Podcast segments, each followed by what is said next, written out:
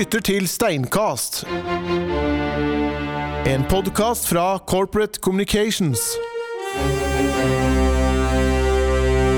Sjefen for utenlandssatsingen i betalingssystemet Vipps heter Berit Svendsen, og hun frykter mediestormer og nettroll, eh, og at disse skal skremme yngre kvinner fra å søke lederjobber i næringslivet.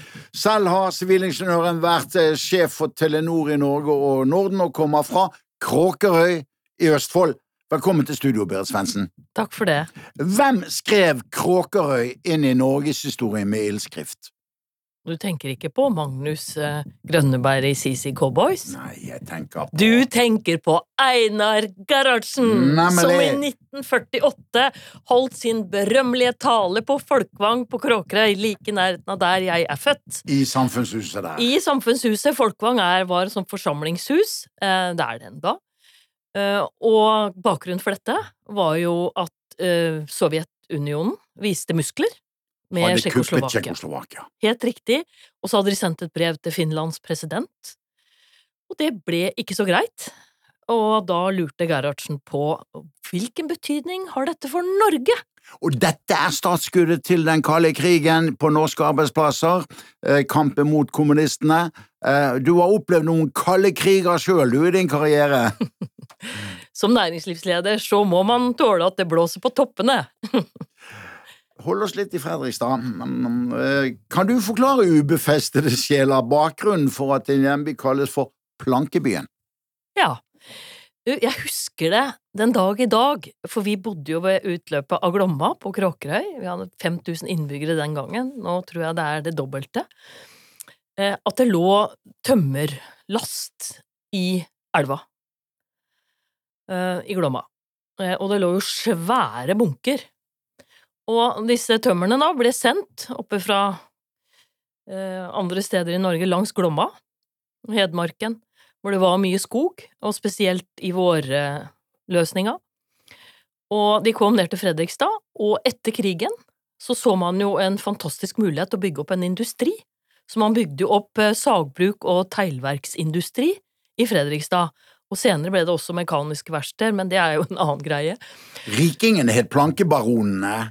Var det det som sådde et korn av ambisjon i den unge piken på Kråkerø? Nei, men det var jo veldig naturlig med dette tømmeret og det å lage industri, da.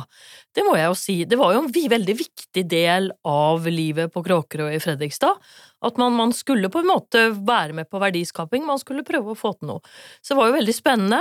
Um, absolutt å vokse opp. Det var jo et kjempefint sted å vokse opp. Eh, Det var ikke bare plank de høvlet i Fredrikstad. Stabbo Nilsen, hvor viktig ble den bedriften som arbeidsplass? Så Stabber-Nilsen ble jo viktig, for etter krigen var det jo rasjonering på kjøtt. Og det da å evne å hermetisere eh, kjøtt, sammen med en del andre ting, eh, det ble jo da en industri. Men det han begynte med, var jo Stabburets matsenter, som lå i sentrum av Fredrikstad.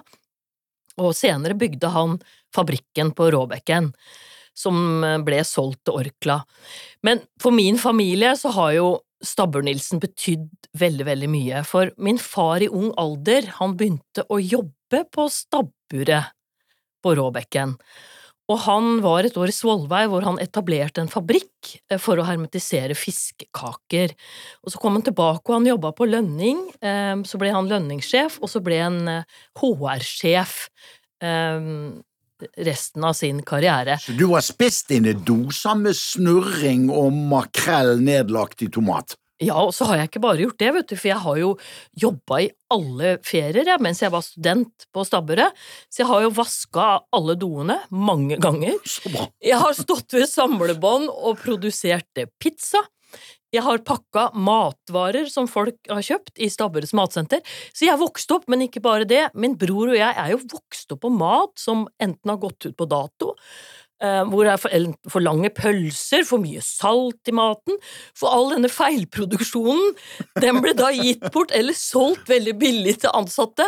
Så vi har rett og slett vokst opp på ukurant mat. Men like fullt klarte du å ta en høyere embetseksamen som sivilingeniør på elektronikklinjen på Norges tekniske høgskole? Ja, det gjorde jeg, eh, og det var en veldig fin tid. Jeg hadde jo store drømmer om eh, eh, at jeg ville ha en god utdanning, for det fikk jeg jo liksom hjemmefra. Hardt arbeid lønner seg, og ta en utdanning. Eh, Det må du gjøre. Og jeg lurte jo lenge på hva jeg skulle bli. Men så fant Når du ble stor. Men så altså, fatta jeg jo tidlig interesse for matematikk og fysikk, og jeg tenkte kanskje jeg skulle bli ingeniør, da. Men når jeg kom til Trondheim og begynte på Høgskolen i Trondheim i 1983, så så jeg jo ikke skogen for bare trær, jeg skjønte jo ikke hva jeg holdt på med før eh, helt på slutten av studiet. Da tenkte jeg nå har jeg landa riktig, heldigvis. Og da var du også så vidt i eh, bekjentskapskontakt med Norges handelshøyskole. Ja, det var litt senere, for da tok jeg en mastergrad i 1995, eh, som var et samarbeidsprosjekt mellom Hanseskolen, eh, NTNU eh, og Sloan School of Management, som er på MIT i USA. Var det der du fikk blårusstendensene i din næringslivsledersjel? Jeg tror jeg skjønte ganske tidlig at eh, for å på en måte bli en veldig god ingeniør og strateg, og for å, å på en måte evne å skape business, så trenger man å skjønne økonomi. Nettopp. Du var altså mange år i Telenor, eh, eller sitat Televerket, Norges mest sovjetiske organisasjon, som onde tunger kalte dette statseide selskapet for på 1970-tallet. Um, var det store forandringer på gang da du jobbet i Telenor? Absolutt. Og jeg skjønte jo hvorfor um, Televerket fikk den betegnelsen.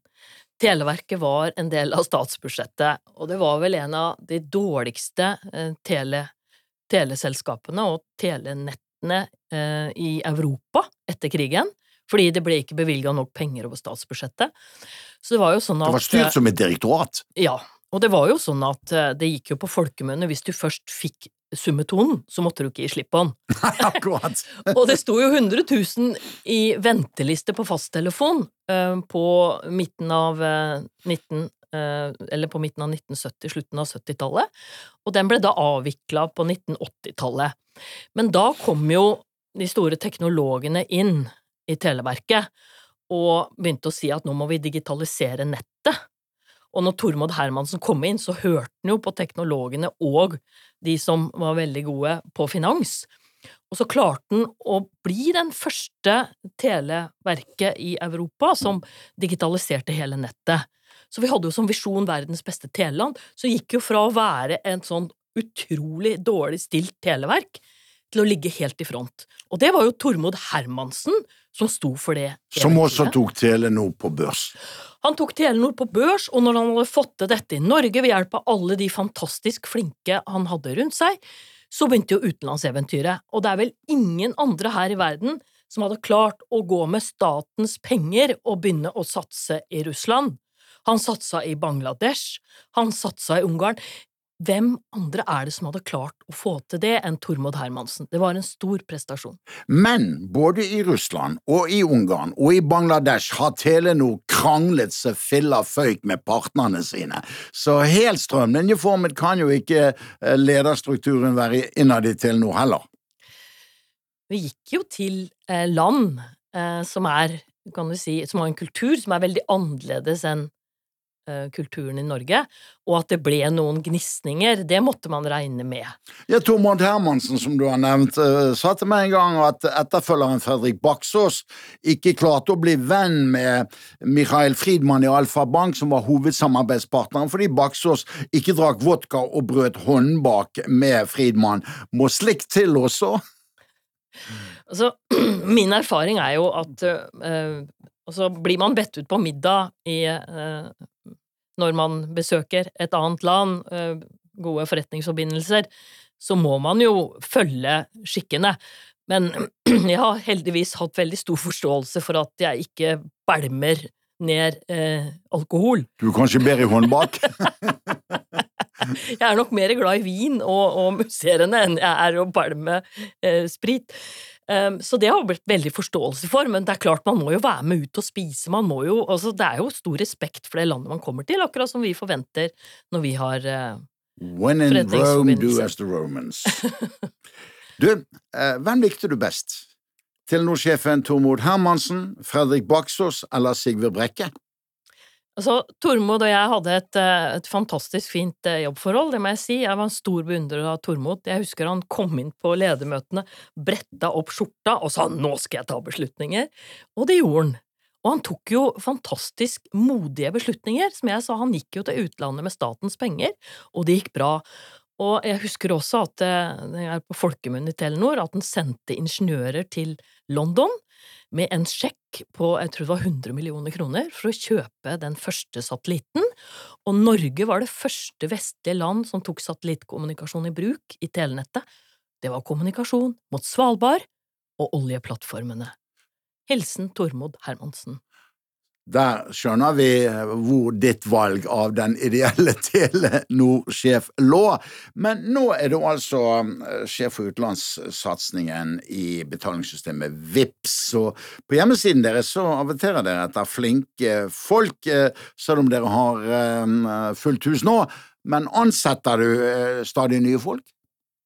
Vips har ansatt veldig mange i 2019. Mm -hmm. tror vi ble en sånn ca. 70 flere i 2019. Da har vi 250 faste ansatte, og så har vi ca. 100 konsulenter.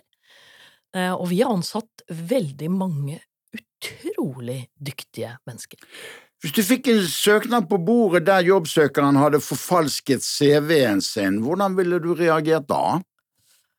Så jeg lurer på om det er litt vanskelig i dag, ja, fordi da kan du gå inn på vitnemålsportalen.no, og da kan du identifisere deg ved hjelp av bank-ID, og der ligger alle papirene dine som eh, universitetene har lagt inn, eller eksamensresultatene, og så kan du gi tilgang til en tredjepart, så han får se korrekte eksamensresultater. Så lett var det ikke da Sigve Brekke forfalsket sin CV? Så jeg tenker at det systemet her er kjempebra, eh, og det er jo veldig mye enklere både for den enkelte, som slipper å kopiere opp alle papirene sine, og det er veldig enkelt for headhuntere og de som på en måte er ute etter folk.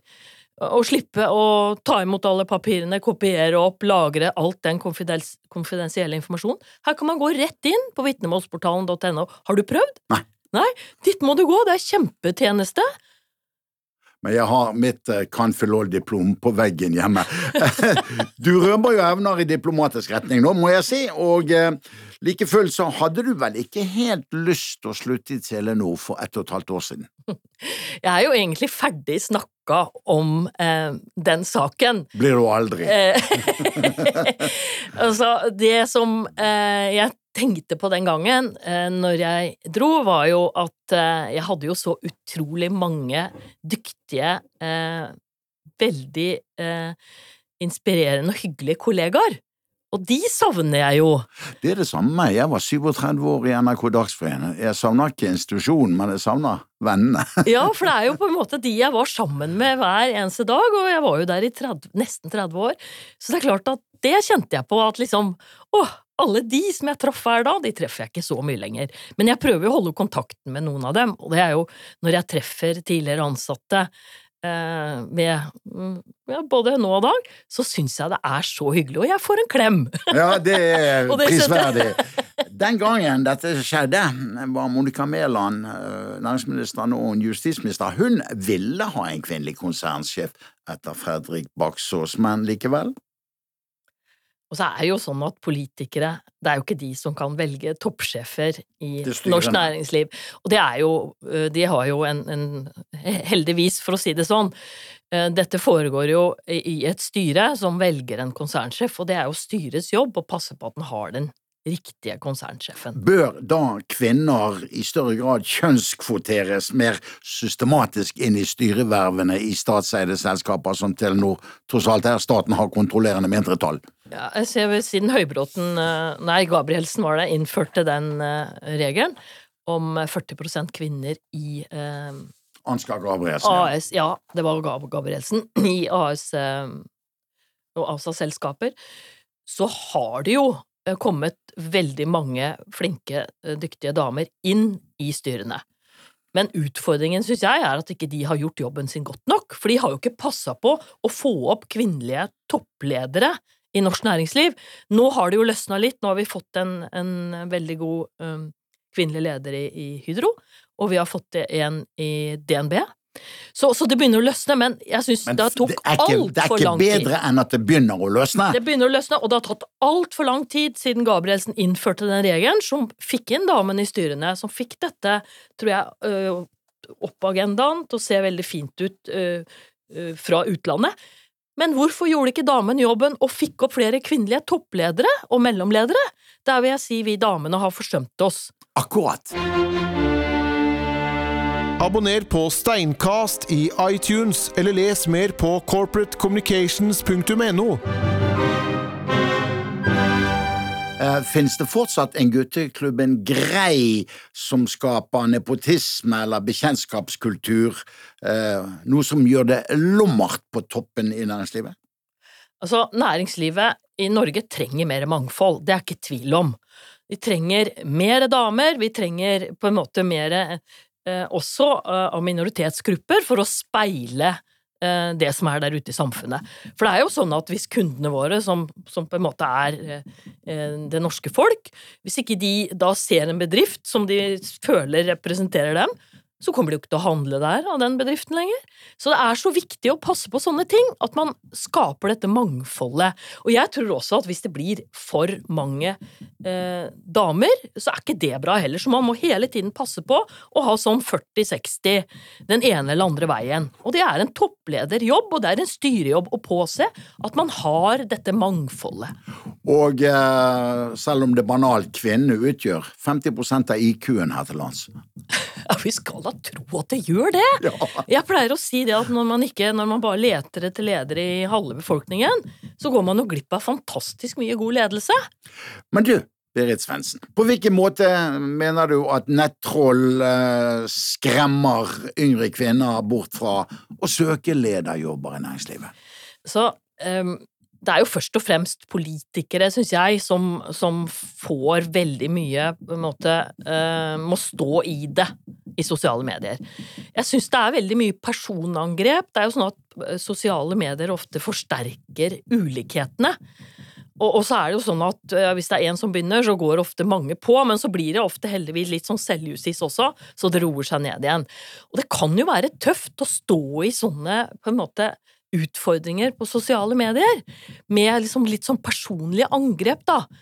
Og jeg tenker at for politikken så har jeg tenkt på det, altså Man må være litt eh, tjukkhuda, man må tåle det. Og vi kan jo gå glipp av gode politikere, også næringslivsledere, hvis på en måte man mener noe om emner som skaper mye debatt. Nå skal du få uventet støtte, fordi 17. august 2018 holdt bak Barack Obama Nelson Mandela-talen i eh, Johannesburg, og da oppfordret han kvinner til å engasjere seg i politikken, og så la han til for mannlige ledere har lenge gått meg på nervene. Du skjønner kanskje Obama? Ja. han hadde mye smart å si, han. Ja, eh, men det er jo denne aggresjonen som du nå påpeker, det er jo menns aggresjon. Ja, men det er også noen ganger damer. Så, så jeg er ikke det vet jeg, Jeg, sånn. eh, jeg har tre døtre. Ja. men, eh, men, men, men, men, denne litt onde aggresjonen ja. um, er jo et mannsfenomen. Ja, men jeg, jeg ser det også blant damer. Men denne aggresjonen altså, vi må, vi må på en måte tåle det. Og så er det noe med de sosiale medier som, som gjør uh, Forsterker disse ulikhetene.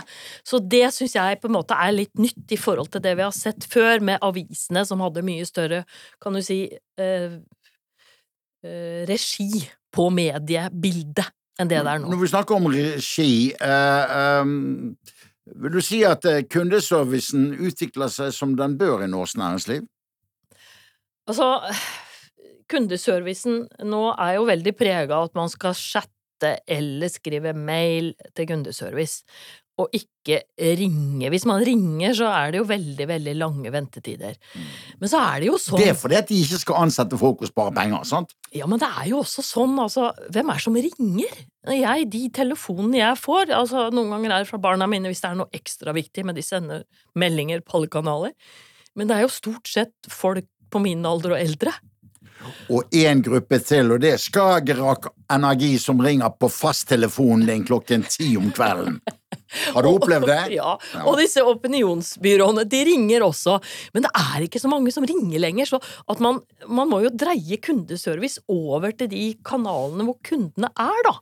Men samtidig så ser vi et eh, Jeg ledet, eh, jeg ledet IT-tinget i 2014, og der fikk både Telenor og DNB pryl på grunn av dårlig kundeoppfølging og nettsidekvaliteter.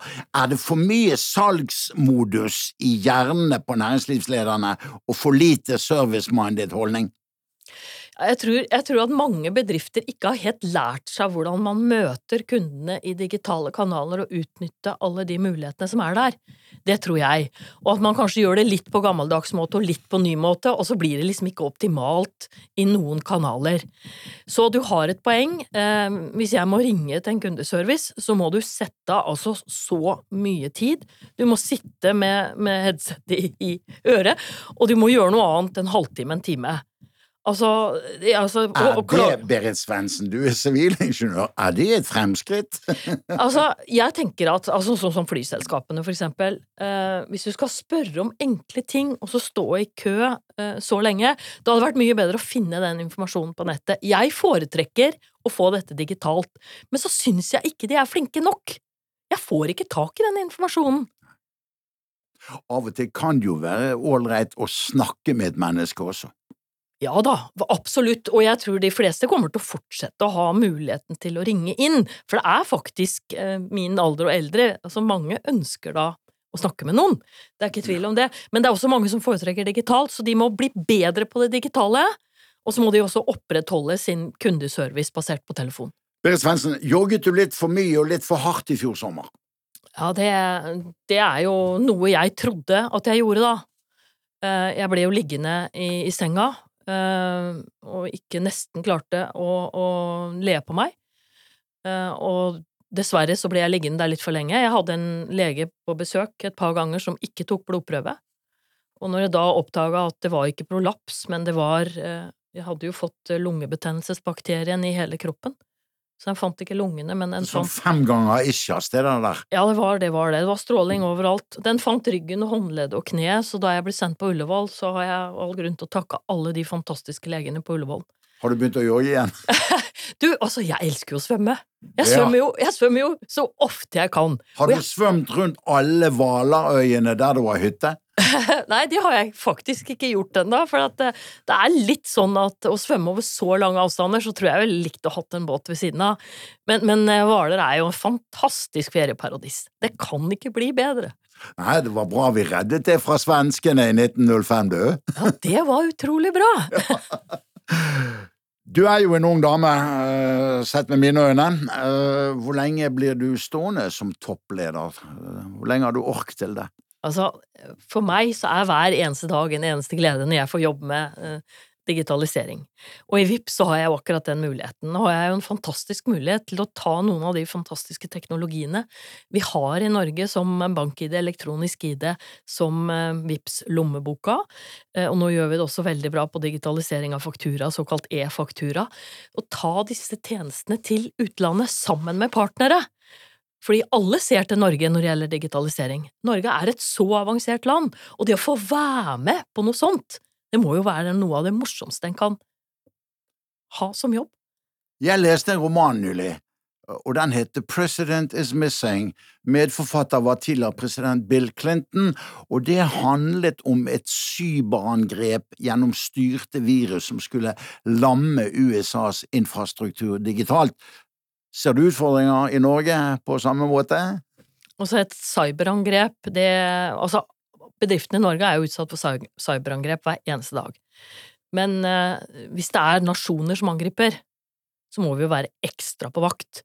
Og da er det jo veldig viktig at alle de aktørene som sitter på kritisk infrastruktur i Norge, og det er jo strømselskaper, eller energiselskaper, det er Telekom, det er bank og finans, og Forsvaret selv, som skal forsvare sin egen infrastruktur, de må jo samarbeide for å prøve å avverge et sånt angrep. Og der har næringslivet fått pepper fra Nasjonal sikkerhetsmyndighet om at det er for liten årvåkenhet når det gjelder digital sikkerhet. Ja, men se på Hydro. Altså, det fins de store bedriftene i Norge tar dette veldig alvorlig. Se hvordan Hydro håndterte det, og klarte på en måte å løse opp i den situasjonen. Og det sier meg at det er mange gode bedrifter også, og nå må alle de små og mellomstore, for det er jo de som sliter, man må ha kompetanse på dette, og det er mulig å kjøpe sånne tjenester av de som er gode, på å passe på nettet sitt og oppdage angrep og, og avverge angrep. Så som små og mellomstor bedrift så må man passe på å ha orden i sysakene, oppdatere programvaren, og sørge for at noen gjør de tjenestene for seg. Men så er jo ikke en frisør på hjørnet en del av kritisk infrastruktur, men det kan få store konsekvenser forretningsmessig for eh, frisørvirksomheten hvis man blir angrepet. Så rådet til mellomstore bedrifter det er å ansette en eh, sivilingeniør à la Berit Svendsen? Å ha kompetanse på cyber hvis man har et, eh, et IT-nettverk, det er ikke dumt. Berit Svendsen, utenlandssjef for betalingssystemet VIPS, takk for at du kom til Steinkast denne uken. Takk, det var hyggelig å være her. Du hørte på Steinkast. En podkast fra Corporate Communications.